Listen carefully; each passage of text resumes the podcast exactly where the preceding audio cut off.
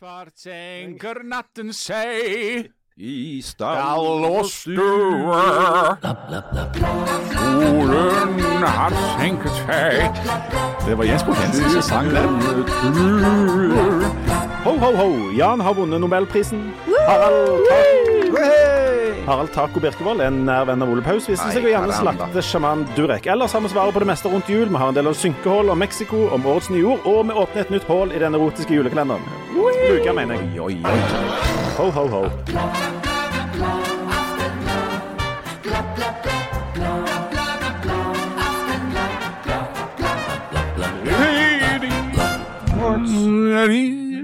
Synger med en lus Å, nå gleder Janne seg. Hjertelig velkommen til Aftenbladet. Her har vi Harald Santa Maria Birkevold. Janne Si. Vinterland Drax Drangsholt, Draxholt og Jan Fossesal. Og Leif Tore Santa Lucia Linde. Jeg traff deg jo på Vinterland. Ja, vet du hva. På mandag Så dere går på vinterland i dag? Ja, i, i randsonen av uh, i randsonen. Ja. På mandag så var jeg, eh, skulle jeg gå den tunge veien. Den, Via det- Dolorosa. Ja, og det er faktisk den veien heter det. Altså det strekket mellom eh, Sandnes rådhus og Ruten på Sandnes Jeg har nå bytta navn til Via Dolorosa. Altså Smertens vei. Og eh, der går jeg, og så ligger dette Vinterland eh, For dere som ikke er veldig mye i Sandnes, er det en sånn jule... Piazza. I Piazza, ja. En slags installasjon? Ja. Eh, Blanding av tivoli og juleboder og sånt. Og det er veldig koselig når det er folk og åpent der, men når det ikke er det Spooky greier. ja, det, virker- det, det knirker i sånne karuseller som går rundt uten folk i, Mm. og du får følelsen av at det ligger lik rundt omkring her.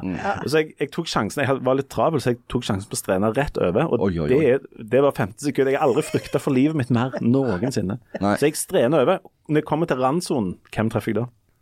Jan- Stanley Virak. Nei, nesten. Du traff jo han òg, ikke? Drangsholt. Nei, var det vi som hadde sett han?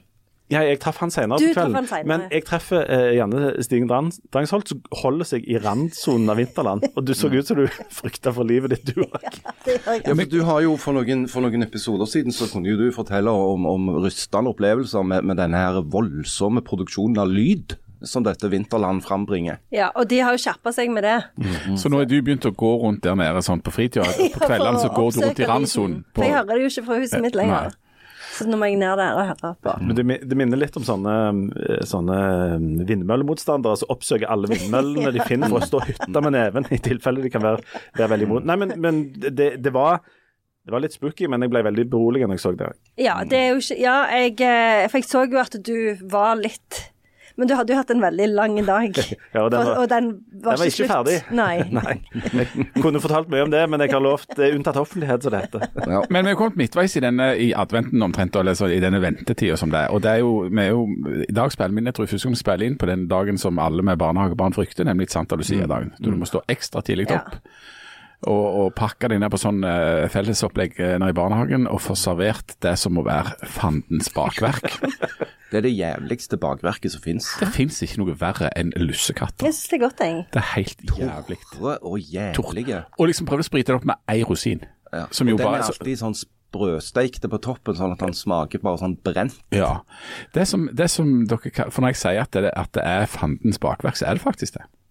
Og Ja. jeg trodde det var Charles Dickens som hadde innført Nei, nei, nei, men vi, skal, vi, vi, må, vi må jo drive med dette med folkeopplysning. Ja. Altså, Santa Lucia, i dagen i dag, eh, er jo da oppkalt etter eh, helgenen Santa Lucia, da, som var født i Syracusa på Sicilia, der jeg ja. jo var i sommer. Mm, det er veldig Hun, fint. hun, eh, hun var født av rike foreldre, eh, men hun lovte seg vekk både liksom gård og grunn og sin egen kyskhet til Gud. uh, og så var problemet at, uh, at hun ble egentlig lovt vekk da, til en For hun sa ingenting til foreldrene om dette med at hun skulle leve eh, som jomfru hele livet og kun vie seg til Gud. Det er jo ikke alltid så lett å ta opp det med kyskheten Nei. i samtale med foreldrene. Nei, Iallfall ikke hvis du er sånn 11 eller et eller annet. Eller 12. Jeg vet ikke hvordan de hadde det akkurat i Syrakusa da på ja, slutten av 200-tallet, faktisk. Hun ble i ble født i 82. Men, uh, men så, eh, så var det det at hun ble lovt vekk til en, en, en en fyr, da. En eh, hedning. Eh, jeg har ingenting mot hedninger. Jeg liker godt hedninger, egentlig. Hedning? Ja, ja, for det var, ja han var en hedning. Hva han visstnok. trodde på? Han var ingenting. En nihilist. Han var- Var han ateist? Siciliansk nihilist? Ja, han han var sikkert eh, litt som uh, The Dude. Sånn aktig type. Og så når det, når, uh, var det det at når da eh, Lucia liksom breaka newsen til mora om at, eh, at hun dessverre ikke kunne gifte seg med han der som hadde blitt lovt vekk til, så Hun kunne for så vidt gifte seg med men hun kunne ikke ligge med ham. ja, da er det ikke mye poeng. Eh, for alle vet jo hva som Nei, men, men eh, er hun fremdeles elleve i dette. Nei, ja, vi er jo ganske unge fremdeles, Ja. vil jeg tro. Også da ble det jo mye styr, da. Eh, For mor var egentlig skeptisk til dette greiene, men så hadde mora noe sånn, hun le- lei av noen blødninger, eh, så hun var så eh, oppsøkte grav til den hellige Agathe, som også er helgen, men som hadde dødd 50 år før. Og så ble hun kurert, og da eh, hørte hun på Lucia, da. Så da gikk hun med på at Lucia ikke skulle gifte seg. Men da ble han der med hedningen så sur at han anga Lucia som kristen. Og dette er under forfølgelsen av de kristne. ja, ja, ja, ja, ja. Eh, Faktisk under Diokletan. Eh, Den romerske keiseren.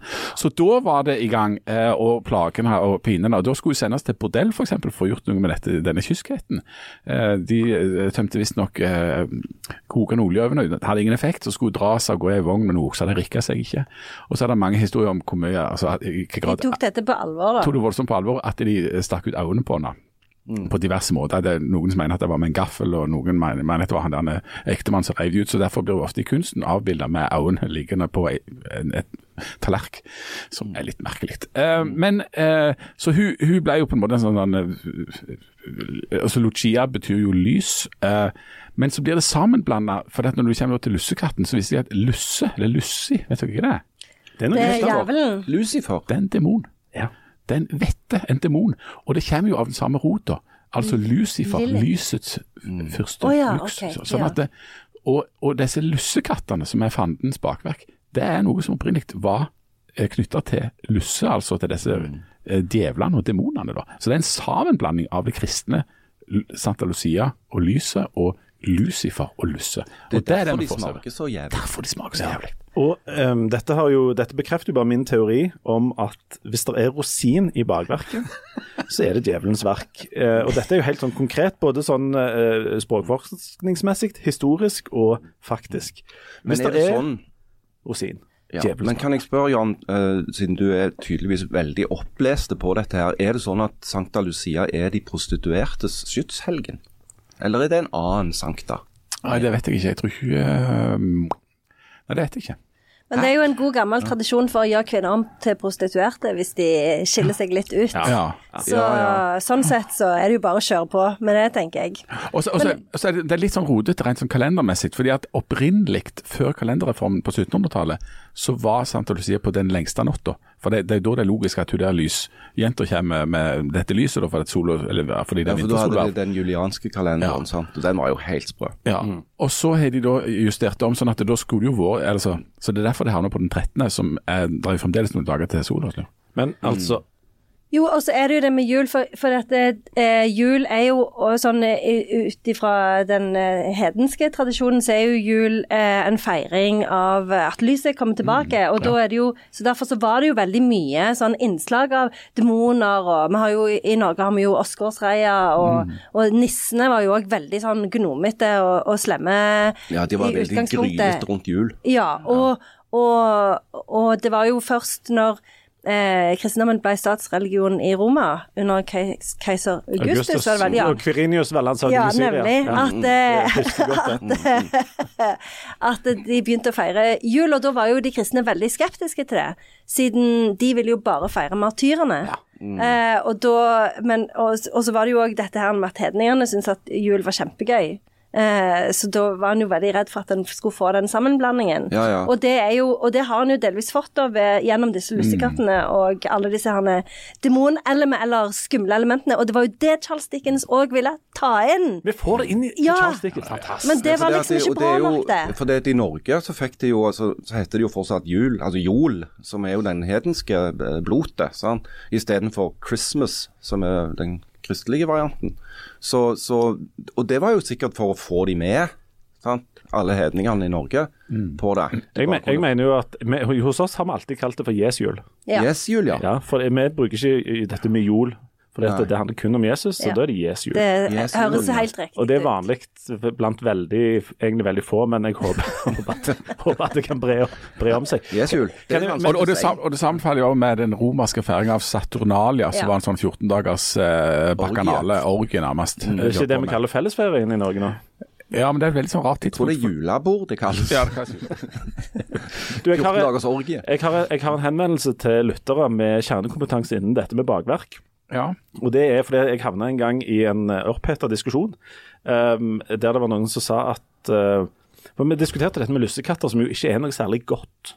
Nei. Nei, det er jo Men- ringt. men- Direkte ringt. Men her kom da uh, krykset. Nemlig at vedkommende sa at uh, vi lager lussekatter med, men det er, vi tar bare den beste bolle, vanlige bolledeigen vi har. Litt gult oppi, og så lager vi altså noen fantastisk gode boller som bare er gule med de der sine på. Smaker kjempegodt. Ja, og så det er jeg, helt enig i. men så sa jeg men det er ikke lov.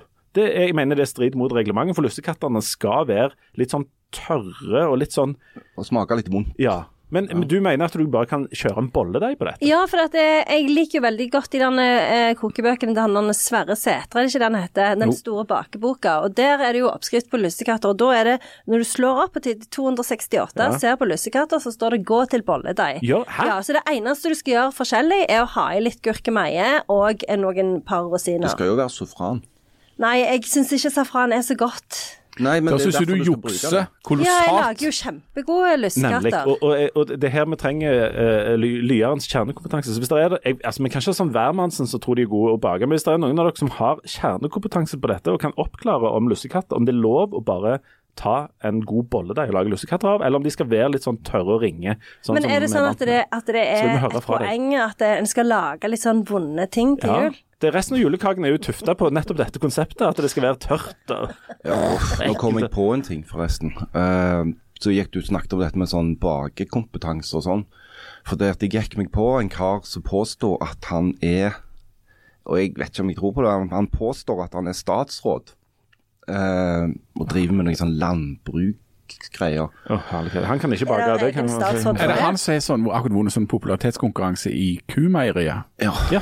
han fyren. Uh, og han emja i det vide og det brede om de der lappene Ja. som han mener han er så god til å lage. Og etterlyste denne her showdown-konkurransen, duellen, med deg da, Leif Tore.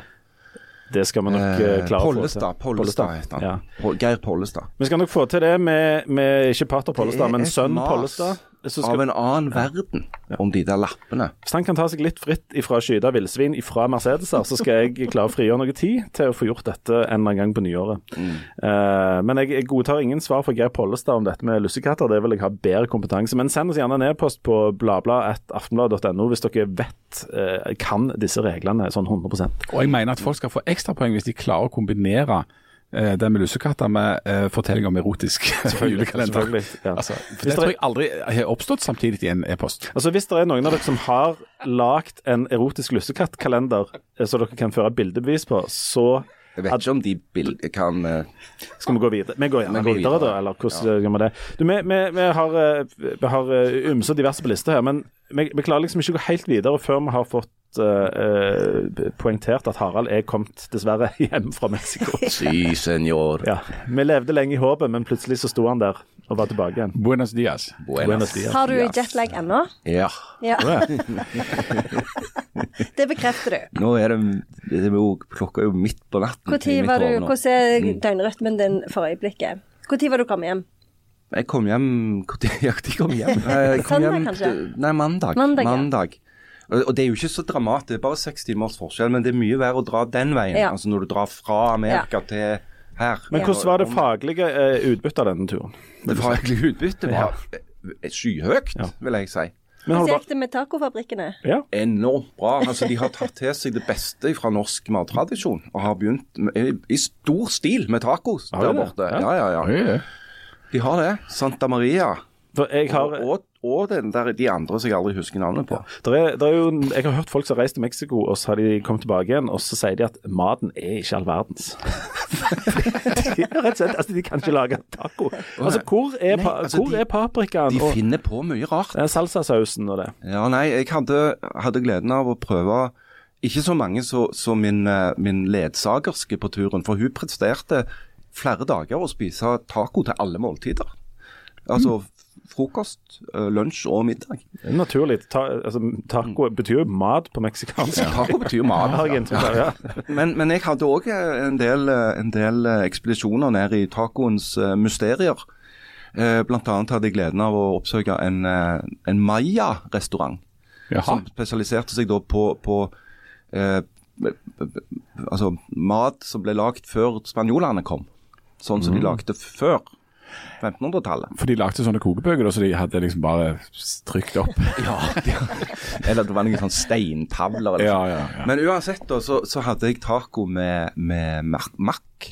Altså Taco med makk, ja. Ja. Det er jo sånn framtidstaco. Larver. larver. Jaha. Eh, taco med maur. Jaha. Store, svarte, glinsende maurer. Eh, taco med gresshoppe. Yes. Eh, og en blanding av eh, eh, larver, maur og gresshoppe. Som var en slags taco especial. En slags surf and turf, på et vis. Surf and turf, ja. Og, og de, den med sånne makk eller larver, det var den beste tacoen jeg har spist i mitt liv. Det var helt vanvittig godt. Var det sånn, sånn makk som du trer på en krok, eller var det sånn Ja. et store larver, Nei, jeg vil si at de, de var gjerne så lange. Ja, nå er du på radio, holdt jeg på å si. Det, men sånn 3-4 centimeter Ja, lange. ok. Ja. Litt på størrelse med en sånn Trodde du, ja, jeg trodde òg du viste gjennomsnittlig. Nei, jeg gjør ikke Ikke, uh, don't go there. Men uh, du, har spist, du har spist mye taco og, og holdt på. Men også må vi jo uh, Vi skal spare din, den mest sjelsettende opplevelsen her. Mm. Du er jo, har jo òg en ekstrem interesse innen dette med synkehold. Og Jeg for å si det sånn dere i synkeholdmiljøet, når dere skal ta den helt ut, så reiser dere Og det var jo egentlig derfor du reiste til Mexico. Det er korrekt. Ja. Eh, vi, skal, vi, vi skal snakke litt mer om synkehold senere, men du har vært i Norges viste seg å være enda større enn ditt eget synkehold. Eh, ja, altså jeg, jeg er fortsatt rusta i mitt innerste over uh, i, altså i hvor stor grad et synkehold kan, kan uh, liksom ta over. Utvikle eh, seg. Store ja, utvikle seg og ta Ja. over store deler ja. av nå, nå må du holde igjen, for dette er noe som skal komme i et eget segment. Ja. Det er det. Jeg kan, jeg, jeg, jeg kan bare røpe at jeg en gang hørte noen si han Harald Birkevold han virker til å være ganske langt opp i sitt eget synkehold. Skal vi la den henge der? Faen, var det for Jeg tror ikke det var et kompliment. Var det Geir Pollestad? Ja, Men var det, var det, var det mildere enn det har vært her? Det var relativt mildt, ja. Det lå og vakte rundt sånn 28-32 grader Ja. eh, i lufta, og så rundt det samme i vannet. Ja. Var det noe, eh, noe narkokartell? Nei, altså det er veldig Det var greit jo. at det er. Ja. Men, men sånn, de har organisert det veldig godt, de I kartell, narkokartellene. For det at de eier òg hotellene. Kartellene, Ah. hotellene. Ja. Sånn at de Narkohotell. vil jo ikke ha noe sjau spetakkel der. nei, nei. For Nei, de, nei. der er det jo gringos som skal drikke margaritas og sniffe kokain og gjøre de tingene som turister gjør. Det er bad for De- business med sånn skyting, da. Du skyter Skyte de. Ja, ja. Sånn? Det er jo å skyte i eget reir. Ja. Sånn at eh, disse turistplassene på Yucatan er jo sikrere enn en, eh, Skudeneshavn. Er du òg etter Ja, det var kanskje å ta litt i det. Ja. Ble jeg livredd. Jeg kommer aldri til å reise til Mexico. Fordi at du har vært på, på Skudeneshavn, både på, på, på festivaler og all slags. Ja, og Er det hos? I. I? For. Ja, for. Innen Skudeneshavn. Og, og det, hvis det er Mexico Nei, det var, det var lite velvalgt. Ombo, da. Altså, men Jeg føler ikke du sier de sikre stedene nå. Ombo er jo veldig sikkert. Mexico er litt sånn som Jøsendal. Altså, kan du ikke bare heller fortelle hvordan det er? Er det, er, det- er det, er det et eh, paradis og vakkert og, Ja, og flott? det er et paradis på jord. På, Er det ten 10 out of ten? Ja, mange måter. Altså, det, det som er greia da, det er at denne byen som heter Cancún, som ligger på tuppen av denne her eh, Yucatan-halvøya, det, det er jo et slags amerikansk Syden. Det er akkurat som Mallorca, eller noe sånt. Så der drar jo horder av amerikanske turister, og bl.a. mye amerikansk ungdom, på sånn spring break, som egentlig er en sånn en uke lang eh, fyllefest. Eh, så det er liksom Syden-Syden. Eh, men hvis du bare klarer å bevege deg litt vekk fra Cancún og, og, og de, de her greiene der, og litt sørover på Yucatan, eh, som vi gjorde da, heldigvis, eh, ned mot nei, Du er nesten i Belize, eh, på grensen der. Og der var det en sånn der eh, svære ferskvannslagune som heter Bacalar, som er altså noe av det aller fineste jeg har sett noen gang. Det var helt ellevilt. Vil du anbefale folk i, eh, på toppen av skattelistene i den øvre hvite middelklassen å reise til Mexico på ferie? Ja. Det er greit. Jan, Jan og Jan noterer. Det kreves bare, kreves bare ca. en million i tekst, så går det kjempe. Men det, Nei, det er jo ikke altså, det er jo, eh, Å bo, bo der er jo ikke noe dyrere enn å bo uh, i andre plasser i Syden. Ved Komosjøen. Ja, Komosjøen er ganske dyrt, da. Veldig, Er veldig det, dyrt. er det dyrt, det? Jeg skjønner ikke. Jeg vet ikke. men, uh, men Er det eh, det, alle, det alle lurer på, er jo om yuccapalmen kommer fra Yucatan. Ja. Men jeg har, jeg har en grevelig bra fun fact om Yucatan. Ja. Ja. Fordi jeg husker ikke navnet på denne her eh, duden. José. Men en av disse Nei, ja, det kan være En av disse spanjolene, conquestadorene, Ja. sant, som kom til, til nedi der. Det sier Gabriel Garcia Marquez. Nei, det var liksom Hva var det de het? Cortés de Killer. Cortés og, og Pizarro og disse her. sant? Cortez. Ja, Cortés. Han kom vaklende i land, sjøsyk og jævlig, på en strand der. På det som da viste seg å, å være Yucatan. Og så kom han i prat med en lokale størrelse, eh, og spurte Han prøvde å få gjøre seg forstått og spurte liksom, hva, hva heter dette stedet, hva, hva, er, hva, er dette her? Og så svarte fyren Yucatan. Ja vel, så han eh, noterte seg det. Dette heter Yucatan. Yucatan betyr på mayaspråket Jeg skjønner ikke hva du sier. Det er som om vi, hadde hatt et område som heter bla, bla, bla. Ja, så uh, Yucatan betyr eh, den dag i dag eh, Jeg skjønner ikke hva du sier. Alle tiders. Ja. Du anbefaler med alle å få seg en, en jobb der en tjener en tre-fire millioner, så reise til Mexico på en liten eh, vakasjon. Det er jo Det var eh, Francisco Pizarro. Pizarro, ja, der ser du. Pizarro, ja. Akkurat. Du, vi, vi må vi hoppe over i, i litt litt ting som har skjedd. Jeg u- Mye mer fun facts om, om eh, Yucatan, altså. Jo, men vi må ut av vår egen navle. Um, Ja. Eh, vi, skal, vi, vi skal ta en liten, et lite passiar om eh, det vi har minst greie på i hele verden, nemlig framtida. Og vi snirkler oss litt inn på den via årets nyord. Dette er jo en sånn Språkrådet på sitt mest tabloide, og det sier litt. Ja. Eh, de kårer jo årets uh, nyord. Er det noen som kan eh, fortelle hva det er? KI-generert. Du gikk rett på svaret. Ja, ja, ja, men, skulle, ja men det var rett, rett på. Ja, Var det ikke det som var var Jo, det Vi skulle, vi skulle liksom gjøre sånn som Nytt på nytt og liksom si litt feil. Sånn. Det er jo nytt nytt er blitt så drita kjedelig, spesielt i tida. Fuck you! Det er jo så bra. Det er jo beste sesongen ever. Kuleste programmet ever. Ja. OK, KI-generert, skal vi se. Ja. Eh, Janne, du har litt greie på språk, selv om det ikke er det du forsker på. sant? Takk. Ja. KI-generert eh, Jeg syns det var litt sånn knodete eh, ord. Ja, jeg òg syns det var litt knotete. Og så er det jo det samme ordet som de har kåra på engelsk. AI generated. Nei. Jo, så jeg syns òg det var litt latskap. Hvem er det som kårer det på engelsk? Nei, nå- er det, noen var- i England eller i USA? Eller? Eh, det, dette var Cambridge eh, Dictionary som hadde eh, eh, kåra eh, eh, både AI generated og hallucinate. Og det er jo Hallucinate vet vi jo hva er, men eh, eh, når, det, når det er liksom eh, blir kåra til et av årets nyord, eh, så er det fordi at det er kommet en ny betydning til, som har kommet inn i språket, og det er em, eh, hallucinations i betydningen false information som blir presentert som fakta. Så, så, så, eh, så det, og så, så det var det var AI generated, hallucinate, og så var det òg authentic. Så alle de nyårene er jo knytta opp mot eh, eh, kunstig intelligens, da. Men så var det jo òg eh, Oxford hadde jo òg eh, eh, eh, årets. Eh, og deres nyår var jo mer sånn i ungdomssegmentet, for det var jo Riz. At det var Riz. Riz. Eh, og, og det er jo et ord som ungene mine bruker veldig mye, og, om, om noen har Riz eller ikke. Hva- hva det? Eh, det er jo eh, staves det? eh, de, eh, Det er jo R-I-Z-Z, og det, de mener jo at det er tatt av karisma. Så hvis altså det er liksom, Karisma? Ja, ris, altså som i karisma. Så det er, hvis du har ris, så har du jo en litt Drage. sånn Ja, kavorka, som det jo ble kalt i Seinfeld i sin tid. Kavorka, ja. Så, så eh, og, og der er Et annet nyord eh, som har blitt foreslått, er jo situationship. Ja. eh, som jo er når du liksom ikke vet helt om du er i et forhold eller ikke. De som har Du er i en de som, situation. ja, og, It's complicated. Ja. ja, og, og denne, denne, trenden med at folk har sånn vinterkjæreste. Altså de vil være fri og frank på sommeren, men de vil ha noen eh, om vinteren. Så. Nemlig. Ja, Da ok, er du i et da er det?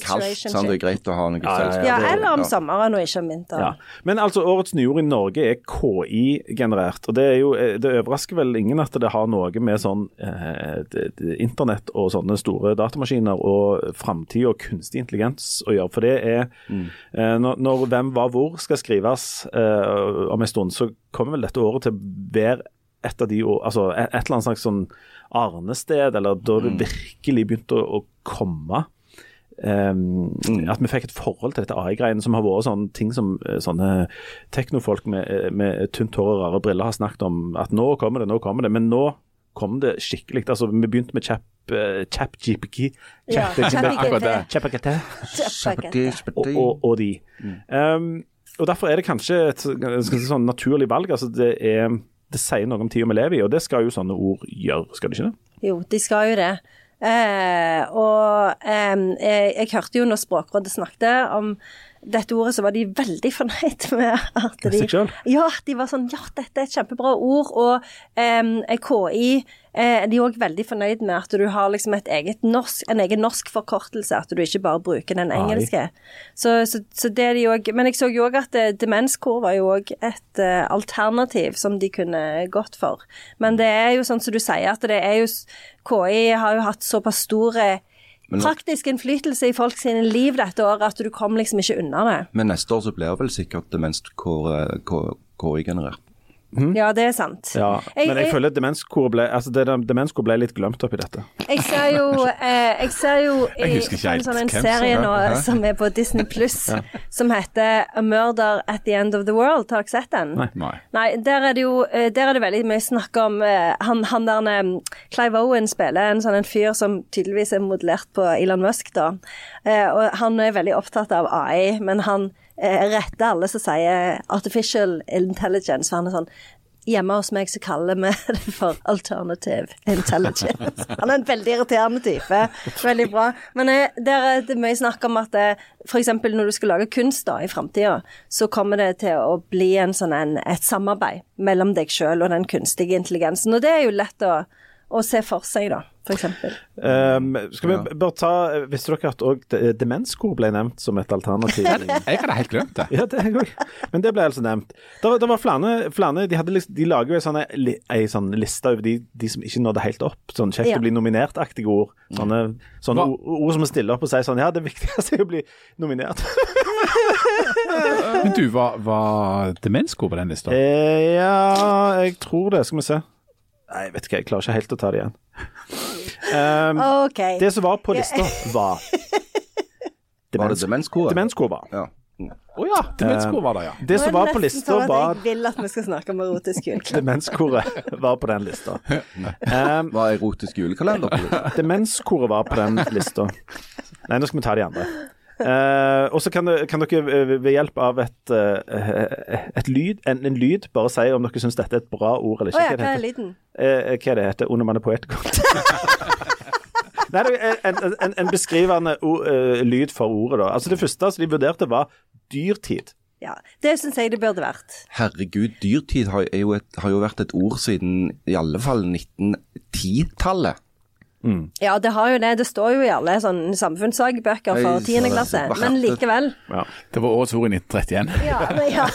men er det ikke sånn at det, Det kan ikke være et nytt ord. Altså, dyrtid Men er er det ikke sånn at det Hvis du, sånn så, eh, hvis du har Altså, har det kanskje en litt annen betydning nå? Eller siden det ble eh, foreslått? Jeg vil tro at de har hentet det opp igjen, fordi at eh, det, det er liksom en generasjon siden noen har opplevd noe lignende. Men uansett, Ja. dyrtid var det ene. Og så var det milliardærflukt. Som jeg tenker er litt Det er sånn et dårlig ord. Ja, det er bare satt sammen av Ja. to gamle ord. Eh, polykrise. Hva er det for noe? Mange kriser Samtidig. samtidig, må det jo være. Men, sånn, ja. og, og det mener jeg er en, en bra ting. Men jeg har til nå aldri hørt ordet Jeg har aldri, aldri hørt det sett det brukt. Og så har du en, en liten røver her. Demenskor er på lista. Er demenskor på lista? Det, det, det Ja. kom med, ja. Ok, Og så er det de siste her. er Grønn kolonialisme. Eh, Ja, det så jeg, men jeg glemte å slå det opp. Hva er det for noe? Hva betyr det? Nei, det er vel at vi eh, i den rike verden skal drive Altså, vi, vi påtvinger fattige land å, å bli miljøvennlige og grønne. Ja, og si at de skal kutte ned på fossilt ja. brensel Reise i en sånn du- en rapport. Vi reiser til Dubai på sånn klimamøte og så sier at ja, vi skal drive med olje, men dere skal Ja. drive med sol og sånn. Skal høste eh, Dere skal alt. danse Ja, og, og, ja. og være glade. Har ikke dere sånne avokadosteiner dere kan utvinne energien ifra dere nede i Burkina Faso da? De har ikke mye, men de er glade. Ja, Ja. og de er så uh, rytmiske. Voldsomt rytmiske. Okay, let's not go there. ja. Mm, mm. Dette ordet er ganske, har vi vært inne på før, som er en kul ting. eh, og det er- det Ja, demenskoret faktisk nevnt. Ja. Sensitivitetsleser. Ja, Ja, det er jo òg et ganske dårlig ord. Nei, jeg syns det er Jo, veldig det er bra. Jeg ser for meg liksom en sensitivitetsleser som sitter liksom litt sånn skjelvende Aspeløv og, og lar seg sjokkere. Det, det som jeg, Roald Dahl. etter, den, etter det du leste om nå, så syns jeg at svakheten med mange av de som står på den lista, er at det, at det gjelder veldig få og veldig sånn sært. Det er liksom ikke sånn breie ting. Det, er- det er, selv om det er flytta en del milliardærer til Sveits, er ikke det noe så liksom, det er jo ikke voldsomt utbredt. Og polikrise er aldri blitt brukt, eh, så jeg har sett noen ganger Jeg syns Altså, òg det det er veldig sånn eh, utrolig smalt. at ikke demenskoret er Jeg med. syns òg det. Ja, det vil jeg hatt med. med. Ja. Men og, Skal vi ta de to siste òg, bare for å liksom gni Jan sitt poeng inn her. Det er planvask og nevromangfold. Planvask. Jeg har ikke hørt om det. Det hørtes ut som noe Nevromangfold er jeg med på. Det du høres gøy ut. Hva er det for noe? Nei, jeg vet ikke om det er noe sånn, en slags sånn inkludering av folk med nerver, eller Å ja, det er det. Ja, at du kan føle at alle følelser er greit. Nei, det kan ikke være ne nevro. Nevro er ikke det samme som nerve. OK, skal vi slå det opp? sånn Men ja, slå det opp. slått? Imens, kan jeg nevne at òg demenskor var på på Å, lista. det var bra. Det var bra. Ja, er bra at det snart er over dette året her. OK, mens, Det var stygt sagt. mens Janne finner ut av dette, så skal dere få en, en, eh, bare en bitte liten quiz i samme, i, i samme lei, og det er nemlig Kan dere nevne mer enn ett ord som har blitt kåret til årets nyord de siste ti åra? Altså ikke, ikke i år, men eh, Ja, inkludert i år, den klarer dere jo nå. Men klarer dere, husker dere et annet nyord fra de siste ti åra? Klimaflyktning. Eh, nei. Klima er en del, men det er ikke flyktning. Men det var noe sånn koronagreie. Klimaangst. Klimaangst. Nei. Korona... Koronaen. Korona-N. Ja. Det er eh, 2020. Jan får et poeng. Og så er det klima, men ikke angst. Men det har noe med Skam. Noe, nei, klimabrøl. Klimabrøl. Klimabrøl. var det. Ja da. Eh, Husker dere i fjor? Uh, nei. Krympflasjon. Og det var i fjor, det, ja. Ja da. Og så har vi hatt sportsvaske. I 2018 var det skjebnelandsmøte. Jeg vet ikke nevromangfold er nå. Nå må vi ta det. Det er, nevro, det er det motsatte av nevrotypisk. Ah, Ja, Eh, no, så ja. Er det antinevrotypisk? ja. Men si hva det er, da. Det er forkortelse for nevrodivers. Ah, Eller nevrodivers er det kanskje. Altså en person som er autist, har ADHD, Tourettes osv. En nevrologi som avviker fra den nevrotypiske. nemlig det, ja. Det var jo litt smalt, da, så kanskje? Eller. Det er så smart. Men det er Sånn at istedenfor å si at du er autist, så er du nevrodivers. Ja. Dette er jo sånn der sånn Ah. eh, sensitivitetsspråkvask-greier. Dette er jo språkforkludring. Altså at du finner opp ord som, der du ikke forstår hva det betyr. ja, for det skal jo være gode ord. Ja. Det skal jo være forklar... Altså, jeg mener jo at de, de må være forklarende på et eller annet Ja. Mens Som ja, demenskor, da. ja, Ja. riktig. Det var akkurat som når de skulle være, eh, ikke kunne være tjukke, men de kunne være enorme. ja.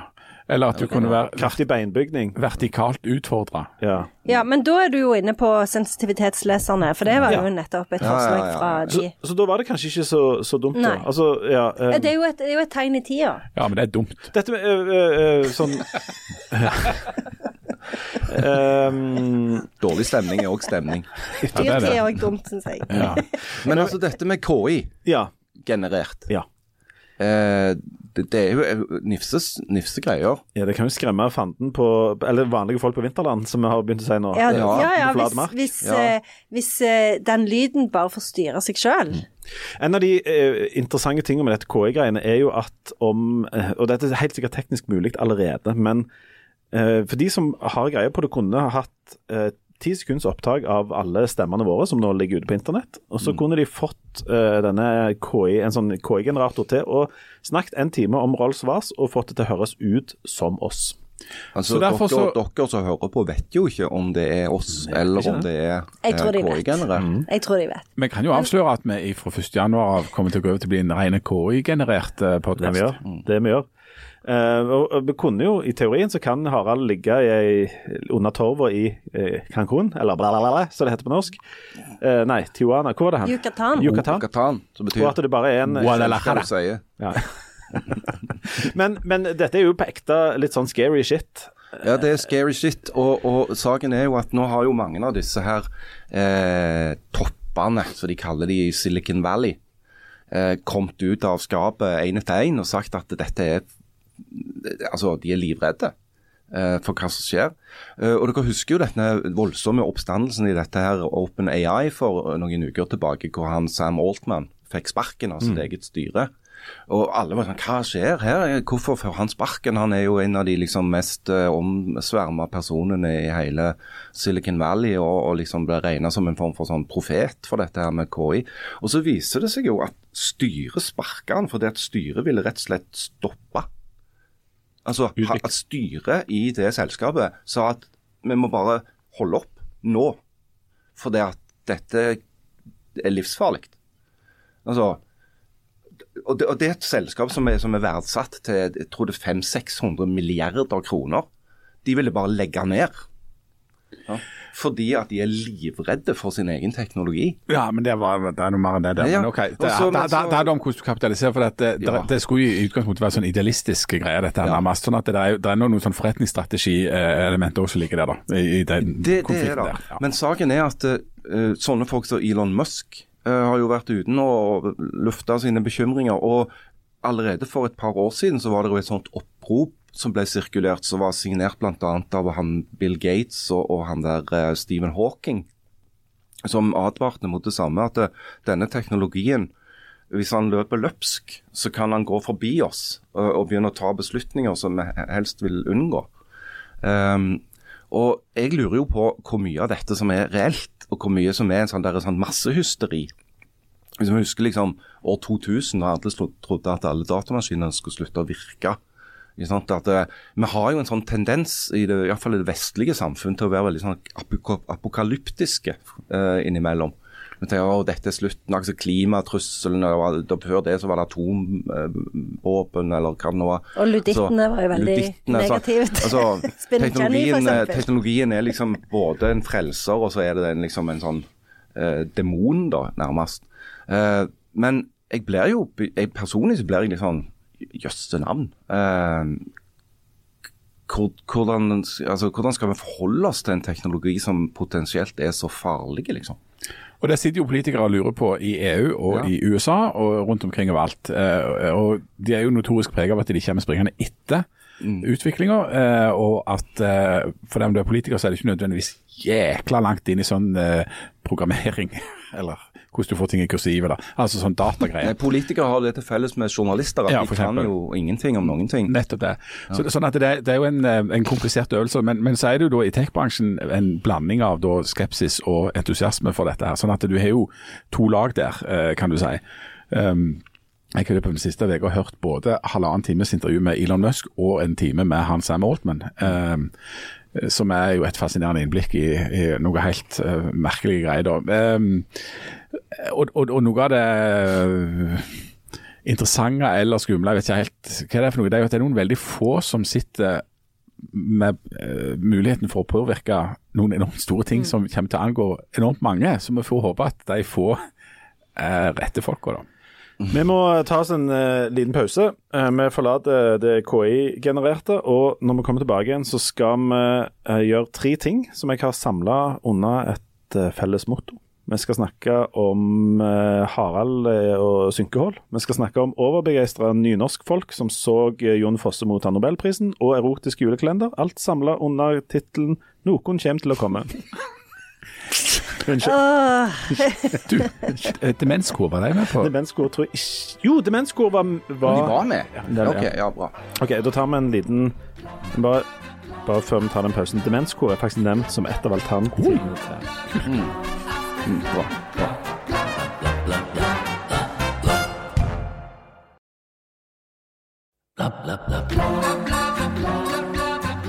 Hjertelig velkommen til uh, denne podkasten og segmentet 'Noen kommer til å komme'.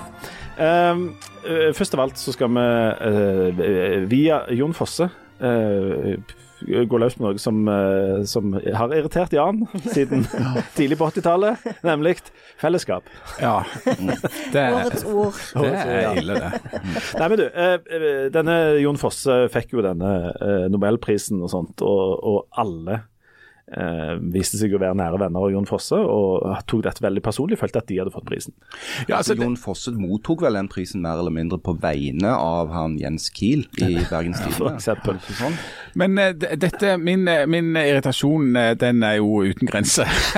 og, og bygger seg opp over Og favner vidt og Og bredt. favner vidt og bredt. Den kan omfatte både det ene og både det andre. Uh, også denne veien så så jeg og- og For det har skjedd mye i løpet av de siste dagene som illustrerer det som er et problem, da, mener jeg, med, med dette med fellesskap og, og det unisone i ting.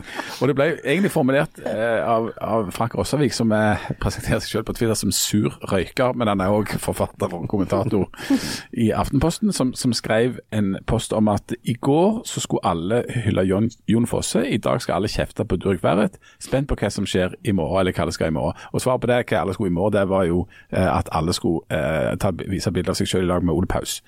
Eh, og, da, og, det som jeg jo blir litt sånn matt av, det er hvor, eh, om, det, om det er noe galt med min feed, eller hva det er for noe i alle sånne sosiale medier. men alle skal, være, skal mene akkurat samme, akkurat prikkelige, akkurat på likt. Sånn at, og, og da er Jon Fosset Og det gjelder enten det er glede, altså eh, tildeling av nobelpris til Jon Fosse, da, skal, da er liksom det totalt eh, enveis motorveiskjøring der. Eller indignasjon over hvor dumme Durek Verret er, da er det bare enveiskjøring der. Eller eh, sorg over eh, Ole Paus eh, sin bortgang. sant? Så det, så det gjelder innenfor alle sånne følelser, da, at det, at det blir så enormt mye og så enormt likt. og så altfor mye av det gode. Og Det kanskje beste eksempelet er jo da eh, Jon Fosse, som altså er, en, eh, som er det motsatte av det som skjer i disse sosiale mediene. Han er ikke en fyr som oppsøker oppmerksomhet. Han vil ikke gå ut og drive og føle en masse ting i offentligheten. Han, hans begeistring den er avmålt og nedkjølt. Og han kunne aller helst bare tenke seg å ikke delta i dette her i det hele tatt. Men, men Eh, og- men, Sander andre da tar helt av, og f.eks. illustrert med Jens Kiel, som er kulturredaktør i Bergens Tidende, og som Eva Grinde har skrevet godt om i, i Dagens Næringsliv. For det er jo sånn, Jeg burde, jeg, jeg burde følt det et eller annet da Jon Fosse vant Nobelpris. sant? Eh, han skriver på nynorsk, da, og det er jo et språk jeg òg skriver på. Eh, s- ja. Føler ikke du at han har fått den prisen på vegne av deg og dine nærmeste og din familie og hunden din? Nei, det er, akkurat, det er akkurat det jeg ikke føler i det hele tatt. Det er akkurat som at Hvis noen får Nobelprisen og så skriver på engelsk, så skulle alle folk som skrev på engelsk kunne føle at nå hadde akkurat de personlig fått dette. For det er vi skriver på det samme målfører, og jeg syns det er hyggelig. eh, det. Så jeg har ikke skrevet ett ord av det Jon Fosse har skrevet. Så er ikke Nynorsk er jo ikke så forbanna annerledes enn en sånn den andre type norsk. Nei, det er jo ikke det. sånn det er et fremmedspråk. Ja.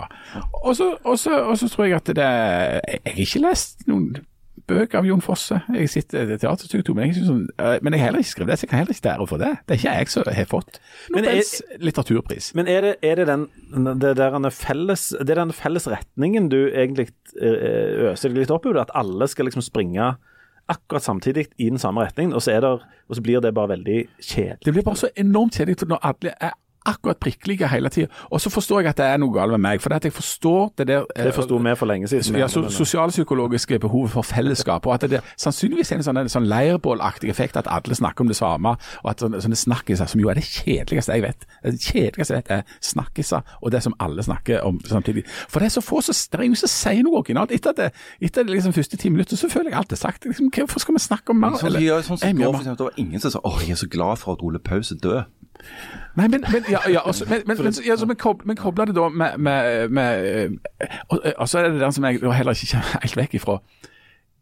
Det, jeg forstår det, det samlende og det fine og det fellesskapsaktige i at alle da kan få dele eh, om hva de følte om Ole Paus, eller føler om, om Jon Fosse, eller om Durek Verrett. Det er noe fint, det.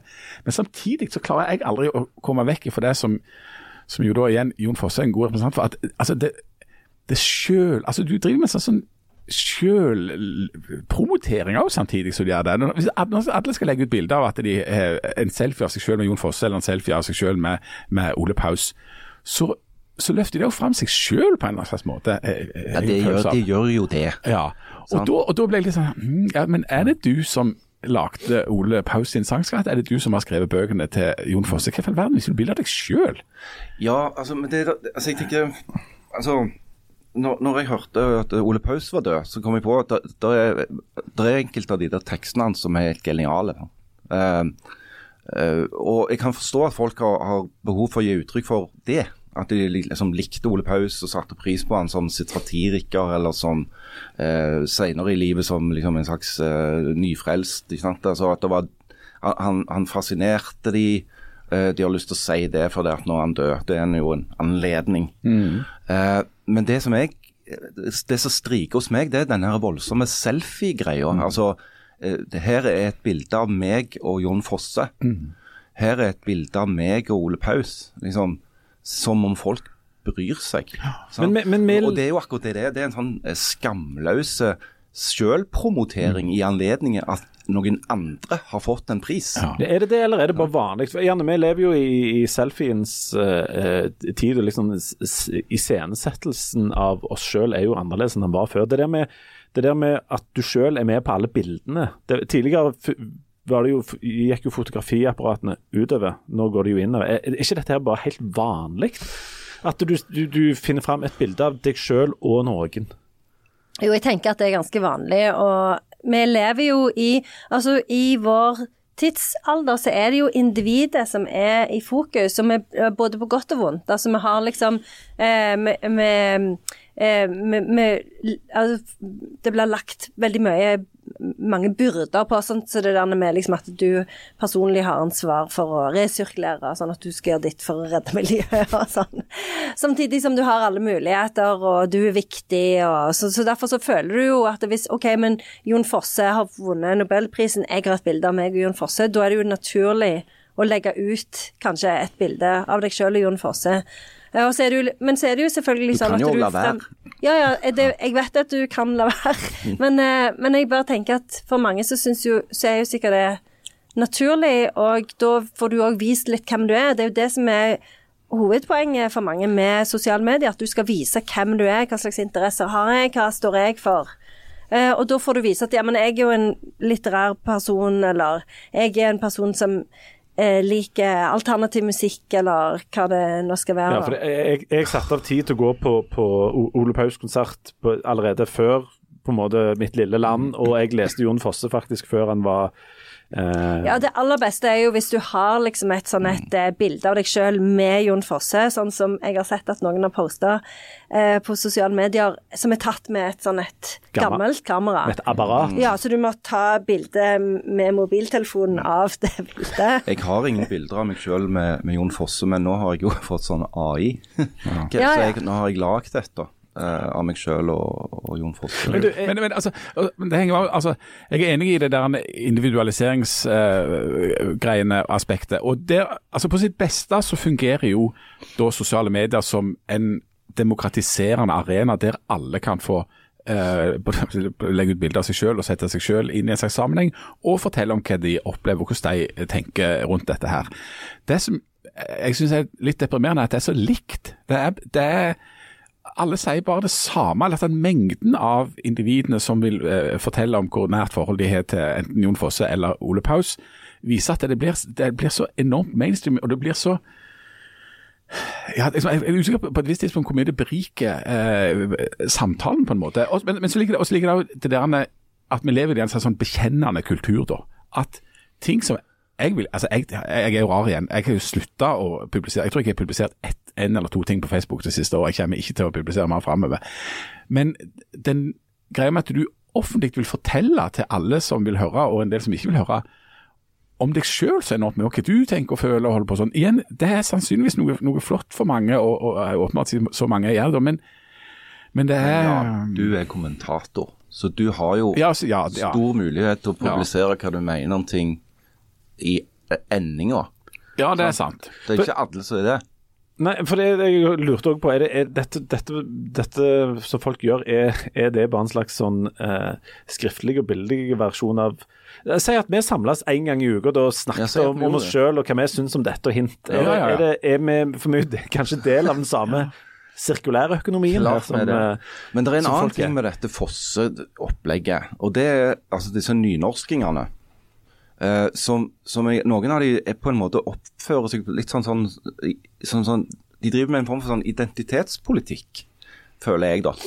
Akkurat som denne prisen til Jon Fosse er en pris til de, fordi at de tilfeldigvis skriver på det samme målføret som eh, Jon Fosse. Og det klarer jeg ikke med min beste vilje å forstå, rett og slett. At, de, at de går rundt og, og sprader i, i bunad ikke sant? og, og eh, auser seg noe kolossalt opp over at eh, akkurat Jon Fosse har fått eh, Fordi han skriver på nynorsk det, ikke for, det, ikke, det handler ikke om hva han skriver, men at han skriver det på nynorsk. Men det er jo en anerkjennelse først og fremst av de folka, og det er jo en anerkjennelse av en spesiell fylkeskommune og sånne ting. Det er jo sånne Nei. ting de tar hensyn Jo, tror jeg, jeg, jeg forstår ikke hvordan de klarer å bli så glad heller, jeg. Altså, det er noen formuleringer av glede der som jeg ikke forstår noe av. Nei, Det det er jo det er det er jo ikke vunnet den prisen, det er den jeg ikke, ikke kjenner som har vunnet dette. men- Og, og, han- og han er jo representant for det motsatte av dette. Han driver ikke med private bekjennelser i eh, offentligheten. Han er ikke på Facebook, han tar ikke selfier, legger ikke ut, men han leverer altså Det han har å ytre seg om, og som han aller helst bare ville holdt seg til, for han liker jo ikke å bli intervjua, eller eh, liksom, han stiller ikke opp på, på Lindmo. Det er jo de bøkene, det verket, det arbeidet han leverer. Men det, men det handler jo ikke om Jon Fosse, det handler jo om deg sjøl. Fordi at du har lyst til å vise at du elsker nynorsk eh, og, og vet forskjellen på A- og E-endinger. Du må velge på infinitiv. Enten A eller E. Du må ikke ha splitta infinitiv. eller at du syns det er kjempebra med to rustne menn. Ja. Og gjerne til og med Pausposten fra 1830-tallet. Ja, men det er jo noe, og så er det jo litt det samme, men òg litt annerledes med Sjaman Durek. Men det der posten til til Sjaman Durek var jo helt mentale. Ja, er- altså, det er klin unnskyld kokos. Men, men det er jo ikke noe Men det det føles altså, Det goes without saying, på en måte. Det- det- Altså, jeg føler nesten ikke jeg må Nei, men, men så føler Ja, vel men folk at de liksom de må, Altså fordi at du har Nå er jo ikke jeg på Facebook, så at jeg, jeg eh, Men jeg kan jo forestille meg hva som har blitt skrevet på Facebook. Ja, I kan- min fantasi. Ja, det kan du. Eh, og, og da er vel folk tenker sånn eh, Særlig når det gjelder det med barn, da blir jo folk veldig sinte, for da har folk veldig mange meninger. Og hvis du har en mening, så tenker du ja, men da kan jeg i hvert fall dele den meningen som jeg har om barneoppdragelse, som er at du gjerne ikke skal innprente at Du- de har en demon. ja, eh, du skal ikke en- drive en- Denne Ja, altså det er jo Lucia. altså den ravgalne fyren. Ja. Han er jo sprø som et knekkebrød. Han, han er bare en stygg ulykke vekke fra å bli, være gift med dronninga av Norge. Han, altså, Litt mangel på bremsevæske der. litt grann sant? feil i et eller annet. Det, og det er jo en skremmende tanke. Fyren er jo klin kokos. Men du, jeg, jeg tror jeg har eh, Nå har jeg sittet og analysert og hørt på Jan her, og det som jeg tror eh, det, det som jeg tror han har et veldig godt poeng på, det er den grenseløse kjedsomheten med det der kretsmesterskapet i å slå inn de åpne dørene. Mm. Ja, Fordi at det, og, og- og sånn som for eksempel eh, Jeg har sittet og scrolla litt for å liksom se det der greiene. Og så av og til så dukker det opp noen sånne som for eksempel, og det er jo òg en, en slags iscenesettelse av seg sjøl, men i alle fall litt sånn luft i dette. med sånn jeg prøvde å lese eh, noe av han Jon Fosse. Likte det ikke i det hele tatt. Det, det er i hvert fall Ja, ja, det er en annen inngang. Eller noen Ja, som ja. sier at Ole Paus Jeg har knapt hørt om ham. Eller sjaman Durek. Kunne ikke brydd meg. Nei, kunne- ja, la, la han holde på. Kanskje, kanskje det er onde ånder som uh, kanskje det er det. Men, men altså, det er, det er, veldig lite sånn forfriskende, fordi Mm. at folk Det er bare den samme, den samme meningen som resirkuleres om igjen og om igjen. Men det kan igjen. bli ganske kjedelig å være sånn demonstrativt kontrær òg.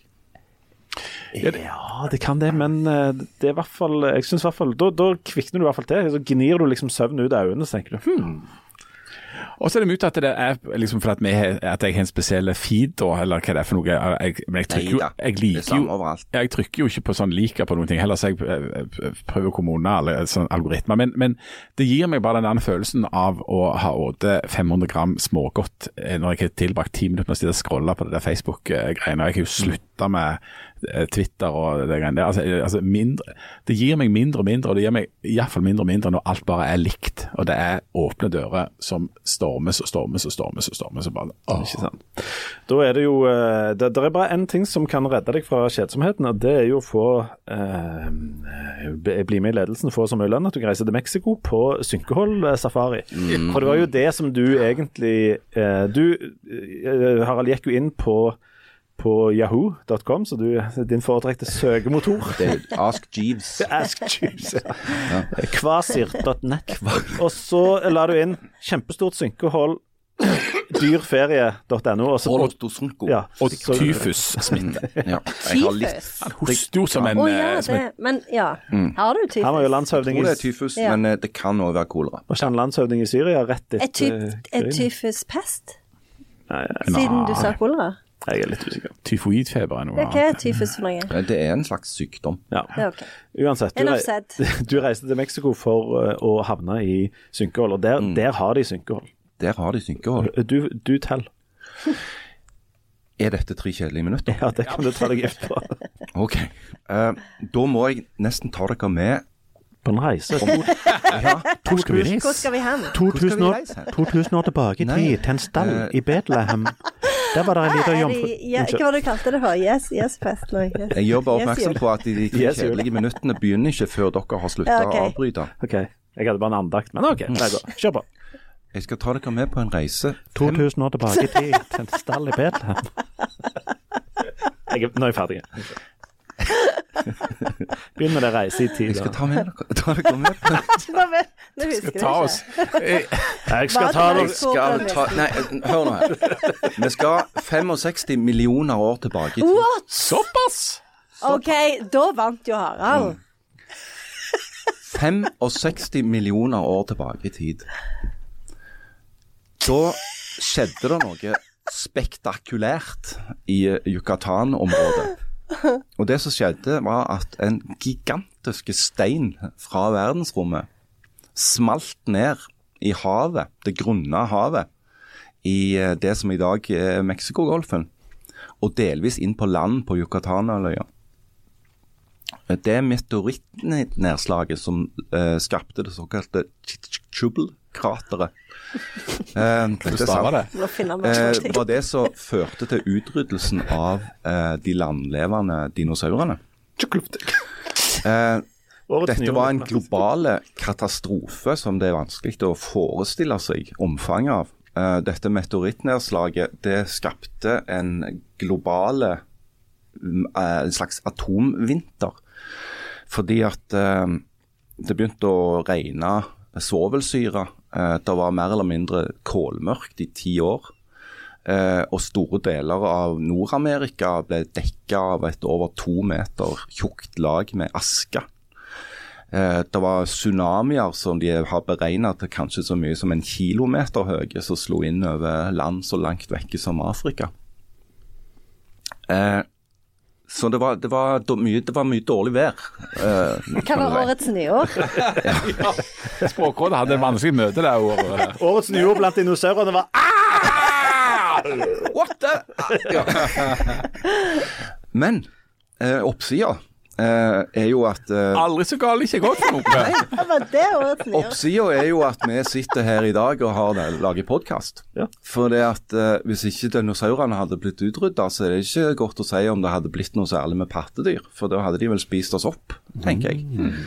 Eh, så det var ei lukka sånn sett. Um, så, Dinosaurene kunne jo ha etablert sin egen podkast. ja, det kunne de for så vidt, hvis de hadde blitt smarte nok. Men uansett, da. Synkehold. Eh, det som skjedde, var jo at eh, dette meteorittnedslaget det lagde en enorm mengde med rabalder. ikke sant? Og det datt ned svære, glødende klumper med stein rundt forbi overalt. Sånn at i, i en, en halvsirkel rundt dette her vanvittige krateret, så datt det ned andre biter med stein. Så slo seg gjennom eh, kalksteinsbergartene på Yucatan og lagde svære hull i bakken. Um, Senere så ble jo dette her, det millioner år gikk, sant? de ble dekka med vegetasjon og ditt og datt, og ting skjedde, vet ikke jeg, geologi. Så der, På Yucatanhalvøya så er det en masse underjordiske huler som er fulle av vann. Og så går tida, erosjon og sånn, så begynner plutselig disse her eh, greiene å bryte sammen. da. Eh, så du får et sånt rundt hull i bakken. Så synker. Det synker for så vidt ikke, men nedi der så er det da en sjø. Så du har en jungel, ikke sant. Tett jungel. Plutselig så ser du liksom et sånt blått øye langt ned i bakken. Eh, det kalles for en cenote. Og cenotene var det som la grunnlaget for hele maya-kulturen. Som var en høytstående sivilisasjon. Når spanjolene ankom på 1400-1500-tallet, så hadde jo mayaene allerede en avansert matematikk og astronomi. Um, godt organiserte samfunn med både presteskap og kongelige og administrasjon og i det hele tatt. Uh, uavhengige kongeriker. Uh, Hadde de årets ord? Som var, det hadde de òg. Som var helt avhengige av disse synkehullene for sin overlevelse. Fordi Hvorfor da?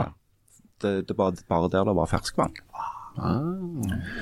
Sånn at uh, Chichen Itza, som jo er kanskje det mest President i Nei, det er kanskje den mest berømte Maya-pyramiden på Alle har sett bilder av den, ikke sant? Den er, ja.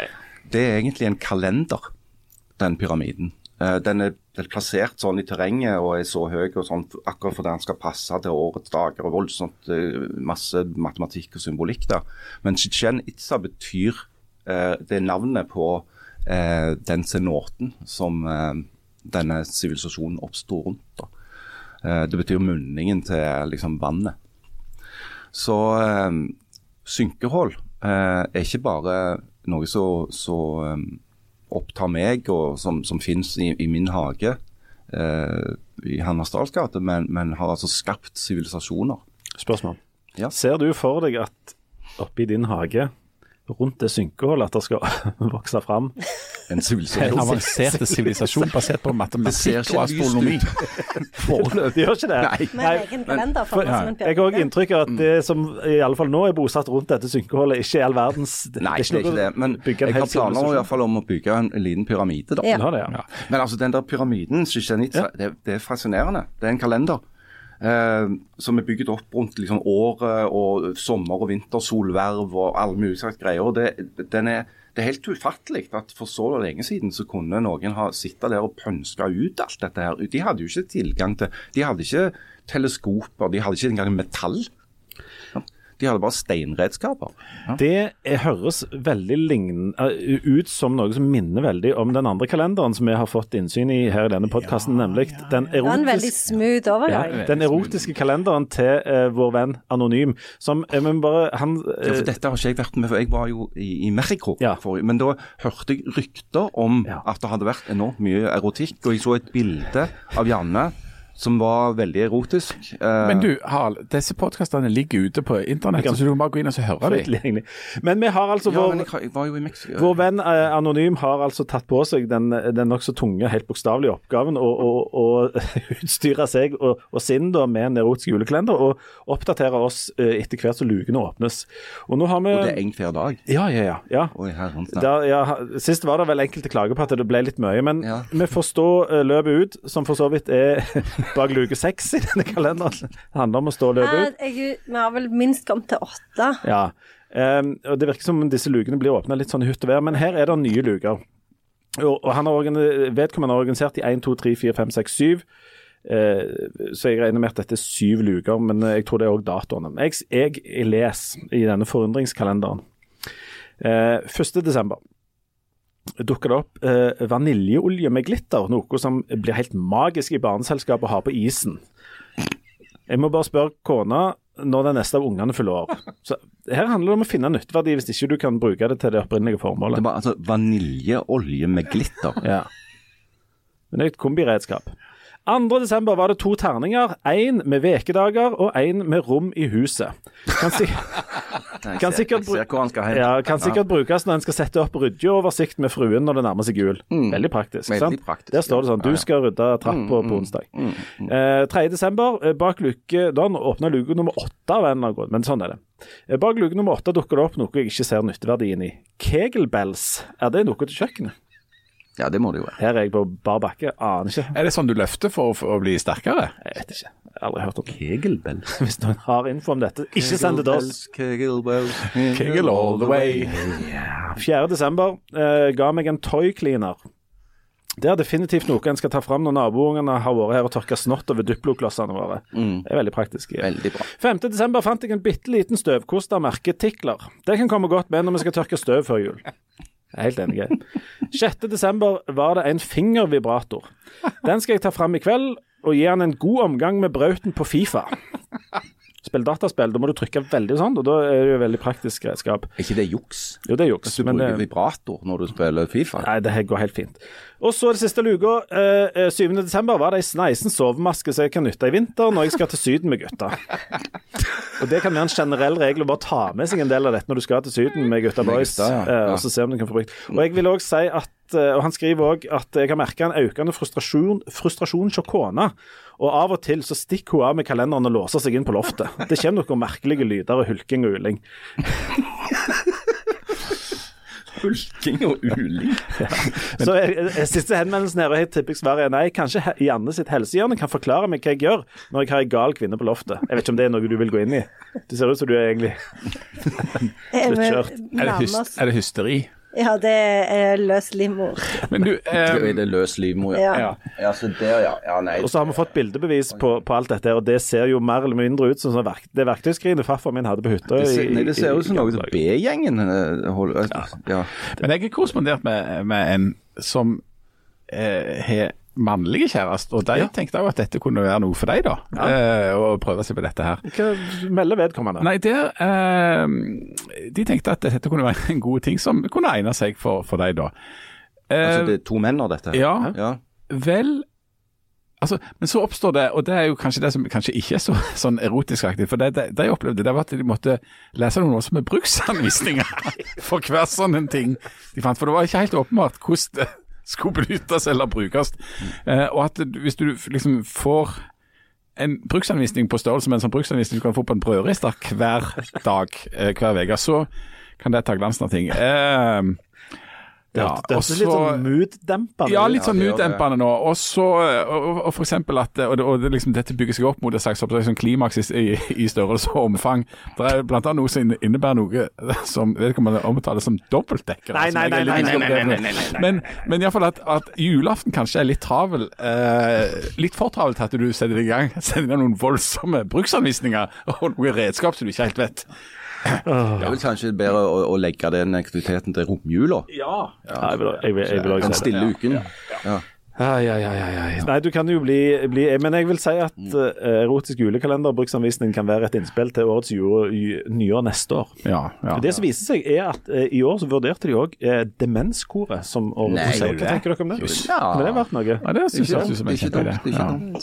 Men før vi glemmer det, så må vi da minne om at det blir, det blir selvsagt podkastepisode med nissefar, eller Roganissen og Rogenissen og nissemor? nissemor. Ja. i- i- i, i, i, Norge, i, Ja, du må begynne å høre denne podkasten, Harald. Det er Bare gleder deg. Ja, for dere har en slags spin-off. Spin Dere har lagd deres egen podkast. Ja, det- det er- Det er en slags eh, KI-generert ja. podkast som, som er i ferd med å bryte seg løst fra moderskipet.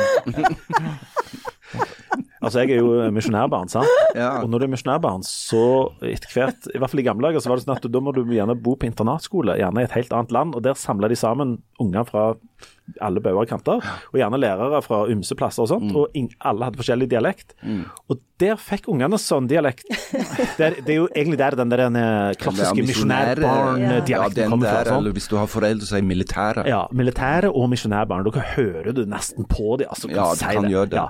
Ja. Men det var òg noen som ble helt forvirra, som endte opp med sånn, sånn eh, Der eh, liksom, eh, sangdelen av dette med å snakke ble helt ødelagt. Og da snakket de Noen snakket, kunne snakke sånn at tonefallet ble helt ødelagt. Ja. Internatskole? Ja, det, det, det er internatskole. Ja visst, ja visst. Ja, visst, ja, visst. Skal vi si at det var, det var dagens? Ja, det får- før, Det får være dagens, så kan de, de som orker, henge med. Men det er, mer, er det mer sånn erotikk vekk eh, neste uke, Eller? Det kommer an på hvem vi får innsendt av materialet. Ja. Ja, okay. uh, vår, vår allierte i denne bransjen har lovt å, å levere helt til julaften. Problemet du kan ikke si noen ting når du snakker om den erotiske juleklanten, for alt høres ut som en luke inni Høres kalenderen. ut som en luke, ja. Ja. Som òg er ei luke. I, Ja, altså, sant. alt er ei luke-aktig. Det kan òg være en f.eks. for eksempel 31. desember. Men nå må vi gi oss. Eh, Men du, demensko, burde ikke det være vært eh, et forslag til med- sånn eh, nyord? Ta og Skriv det ned, sånn at vi husker det. til- jeg skal sende deg. sende det det som husker hva hun heter, hun i Språkrådet? Nei, jeg husker ikke Fordi at jeg lurte på om jeg skulle uh, pitche det demenskoret. Det kunne vært. det. ville jeg ha gjort. Det kunne vært noe, det, ja. Ha det.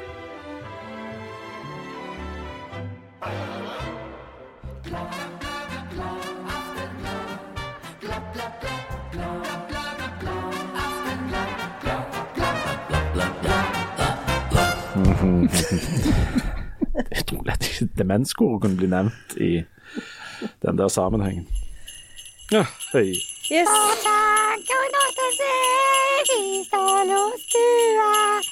Takk har vei. Eh, hva er det du holder på med nå, eh, nissemor? Santa Lucia, ser du ikke jeg har fått krone på hodet? Og så ser det levende lys, og så er jeg hvit og uskyldsren som en brud. Ja, det ble jo sånn når vi ikke fikk eh, brukt den kalenderen som jeg hadde Å, kjøpt du ut. kommer ikke alltid må du få søpla og få kledd rundt med den skitne greia! Vil du ha en lussekatt? Ja, Lussekatt, jeg kan ja. Lussekatter, det, det, det har jeg alltid likt voldsomt godt. For det er jo det er jo et godt bakverk. Er det rosiner òg igjen i, i år? Ja, ser de er gule og fine, og så er de, ja, de blir litt grann tørr. Men de er veldig gode, så er det jo også rosiner. Det er på det og det hvor rosinen i Du, pølsen. Du, du skulle ikke bare brukt ei sånn ei vanlig bolleoppskrift til lussekattene neste år, så de ikke ble så tørre og, Ja, Lussekatter er lussekatter, og det, man ingen skal forstyrre det som er tradisjonene. Og du vet at Santa Lucia, se så fin kjole, jeg skal løfte litt på den, så kan du se. Ja, det, det er jo ei luke i kalenderen, det. Så Nei, da bort med det skittet, jeg tror jeg ikke du liker, men du skal bare sånne greier og holde på. Ja, jo, jo. Men du, du, du. du, Neste år, om vi skulle tatt og så feire jul i et annet land, ku- kunne det vært noe Har du blitt sinnssyk, hva da? Nei, jeg lurte på om vi, om vi rett og slett skulle reise til Mexico.